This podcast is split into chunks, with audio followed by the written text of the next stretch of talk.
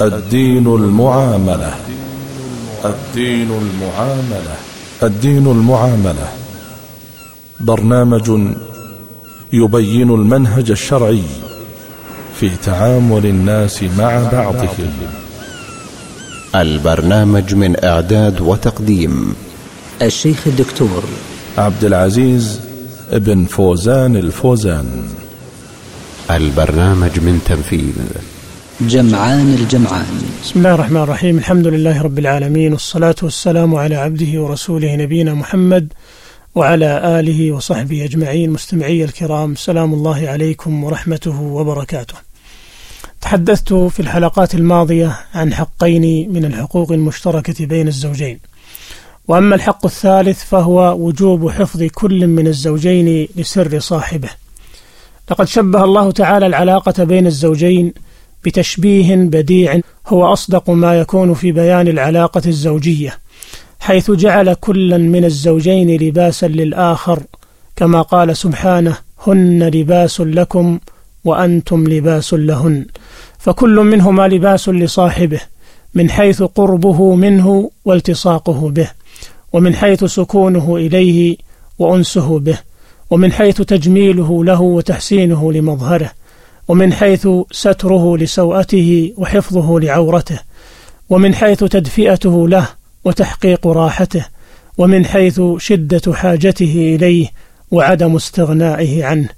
فالعلاقة الزوجية من أقوى العلاقات الإنسانية وفيها من التميز والخصوصية والعمق والقوة والمشاعر الوجدانية والمحبة القلبية والعواطف الجياشة ما لا يكاد يوجد في غيرها من العلاقات البشرية. فكل من الزوجين أقرب إلى الآخر وأكثر معاملة له والتصاقا به ومعرفة بأحواله وأسراره وحاجاته وخصوصياته وآلامه وآماله ممن عداه من سائر الناس. كما أنه يحصل بينهما من المعاشرة والمؤانسة والمداعبة والاستمتاع ما لا يرضى أحد منهما بكشفه للآخرين. ولما كان الأمر كذلك كان حفظ كل منهما لعورة صاحبه وستر عيوبه وكتم أسراره وخصوصياته حقا واجبا لكل منهما على الآخر. وهذا من الأمانات العظيمة التي لا يجوز خيانتها والخصوصيات التي لا يجوز نشرها وإذاعتها. قال ربنا سبحانه في وصف عباده المؤمنين والذين هم لأماناتهم وعهدهم راعون. فالأمانات كل ما اؤتمن عليه الإنسان سواء كان من حقوق الله تعالى أم حقوق عباده. ومن أهمها أسرار الحياة الزوجية ومعنى قوله راعون أي حافظون لها فلا يضيعونها ولا ينتهكونها. قال القرطبي في تفسيره الأمانة والعهد يجمع كل ما يحمله الإنسان من أمر دينه ودنياه قولا وفعلا. وهذا يعم معاشرة الناس والمواعيد وغير ذلك وغاية ذلك حفظه والقيام به والأمانة أعم من العهد وكل عهد فهو أمانة فيما تقدم فيه قول أو فعل أو معتقد. وفي صحيح مسلم عن أبي سعيد الخدري رضي الله عنه قال قال رسول الله صلى الله عليه وسلم إن من أشر الناس عند الله منزلة يوم القيامة الرجل يفضي إلى امرأته وتفضي إليه ثم ينشر سرها.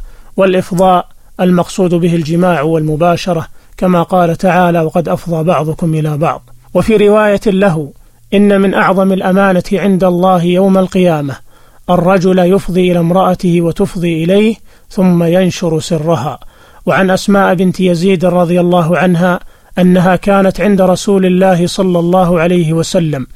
والرجال والنساء قعود عنده فقال لعل رجلا يقول ما يفعل بأهله ولعل امرأة تخبر بما فعلت مع زوجها فأرم القوم.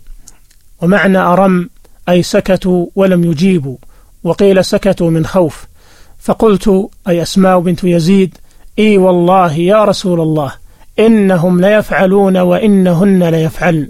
قال فلا تفعلوا فإنما مثل ذلك مثل شيطان لقي شيطانه فغشيها والناس ينظرون. والحديث رواه أحمد وله شاهد من حديث أبي هريرة وهو بمجموع طرقه وشواهده صحيح أو حسن على الأقل كما قاله الألباني. ومن الأمور المؤسفة جدا اعتياد بعض النساء على ذلك بل واستماتة بعضهن في استنطاق زميلاتهن وجاراتهن وتشجيعهن على ذكر ما يفعلن مع أزواجهن وما يفعله أزواجهن معهن.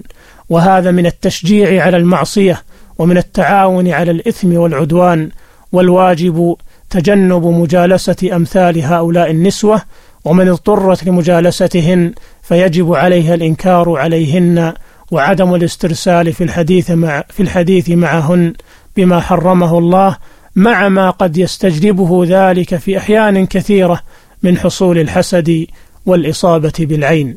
وبهذا نعلم تحريم إفشاء الزوجين أو احدهما ما يجري بينهما من أمور الجماع والاستمتاع ووصف تفاصيل ذلك من قول أو فعل أو نحوهما لأن ذلك من خيانة الأمانة وإفشاء السر وكلاهما حرام. ومن الحقوق المشتركة بين الزوجين وهو الحق الرابع وجوب حفظ كل منهما لفرجه وعرضه. وجوب حفظ كل منهما لفرجه وعرضه. والحذر من الخيانة الزوجية في حق الزوج أو الزوجة. قال الله عز وجل فالصالحات قانتات حافظات للغيب بما حفظ الله. أي حافظات في غيبة الأزواج ما يجب عليهن حفظه من فروجهن وأولاد أزواجهن وأموالهم. ويقول النبي صلى الله عليه وسلم خير نسائكم من إذا نظر إليها زوجها سرته وإذا أمرها اطاعته وإذا غاب عنها حفظته في نفسها وماله. وفي رواية لأبي داود والحاكم خير ما يكنز المرء المرأة الصالحة إذا نظر إليها سرته وإذا أمرها اطاعته وإذا غاب عنها حفظته وفي رواية ابن ماجه وقريب منها رواية الطبراني ما استفاد المؤمن بعد تقوى الله تعالى خيرا له من امرأة صالحة؟ إن نظر إن نظر إليها سرته وإن أمرها اطاعته وإن أقسم عليها ابرته وإن غاب عنها حفظته في نفسها وماله. فجعل أعظم نعمة يرزقها الإنسان بعد نعمة الإيمان والتقوى هي نعمة المرأة الصالحة ومن صفاتها أنه إذا غاب عنها زوجها حفظته في نفسها وماله. والحديث رواه أبو داود وابن ماجه والبيهقي في السنن الكبرى والطبراني في المعجم الأوسط والحاكم وصححه ووافقه الذهبي.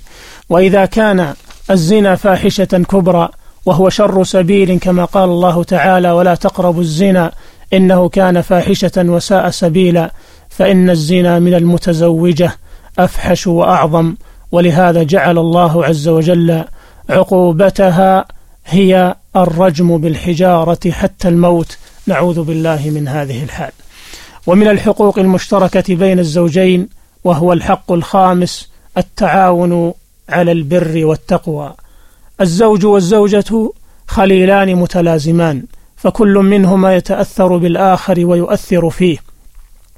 ولهذا كان الواجب عليهما التعاون على البر والخير والتناهي عن الإثم والشر والتآمر بالمعروف والتناهي عن المنكر كما قال سبحانه وتعاونوا على البر والتقوى ولا تعاونوا على الإثم والعدوان وجعل التآمر بالمعروف والتناهي عن المنكر من أخص أوصاف المؤمنين فقال عز وجل والمؤمنون والمؤمنات بعضهم أولياء بعض يأمرون بالمعروف وينهون عن المنكر. وإذا كان هذا في عامة المؤمنين والمؤمنات وإذا كان هذا في المؤمنين والمؤمنات عامة فهو بين الزوجين آكد وأوجب. وقال سبحانه يا أيها الذين آمنوا قوا أنفسكم وأهليكم نارا وقودها الناس والحجارة. فأوجب على المسلم الاجتهاد في وقاية نفسه وأهله من النار وذلك بطاعة الله تعالى واجتناب معصيته.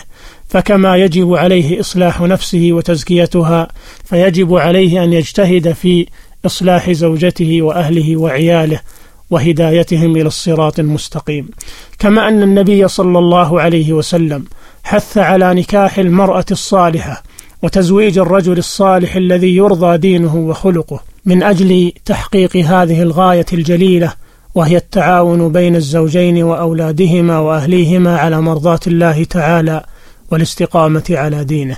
وفي الحديث عن أبي هريرة رضي الله عنه قال قال رسول الله صلى الله عليه وسلم رحم الله رجلا قام من الليل فصلى وأيقظ امرأته فإن أبت نضح في وجهها الماء. ورحم الله امرأة قامت من الليل فصلت وأيقظت زوجها فإن أبى نضحت في وجهه الماء. رواه أبو داود والنسائي وابن ماجه وأحمد والبيهقي وصححه ابن خزيمة وابن حبان والحاكم. وعن أبي سعيد وأبي هريرة رضي الله عنهما عن النبي صلى الله عليه وسلم قال إذا استيقظ الرجل من الليل وأيقظ امرأته فصليا ركعتين كتبا من الذاكرين الله كثيرا والذاكرات رواه أبو داود والنسائي في الكبرى وابن ماجه والبيهقي والحاكم وقال المنذري في الترغيب والترهيب صحيح على شرط الشيخين. وعن أم سلمة رضي الله عنها قالت استيقظ النبي صلى الله عليه وسلم ليلة فزعا يقول سبحان الله ماذا أنزل الله من الخزائن وماذا أنزل من الفتن من يوقظ صواحب الحجرات يريد أزواجه لكي يصلين رب كاسية في الدنيا عارية في الآخرة رواه الإمام البخاري. أسأل الله تعالى أن يسعدنا جميعا بطاعته وأن يوفقنا لمرضاته وأن يملأ قلوبنا بمحبته ورجائه وخشيته وأن يعيننا على ذكره وشكره وحسن عبادته وأن يجعلنا من الذاكرين الله تعالى والذاكرات. والحمد لله رب العالمين. وأستودعكم الله الذي لا تضيع ودائعه. والسلام عليكم ورحمة الله وبركاته. الدين المعاملة. الدين المعاملة. الدين المعاملة. برنامج يبين المنهج الشرعي في تعامل الناس مع بعضهم. البرنامج من إعداد وتقديم الشيخ الدكتور عبد العزيز ابن فوزان الفوزان. البرنامج من تنفيذ. جمعان الجمعان.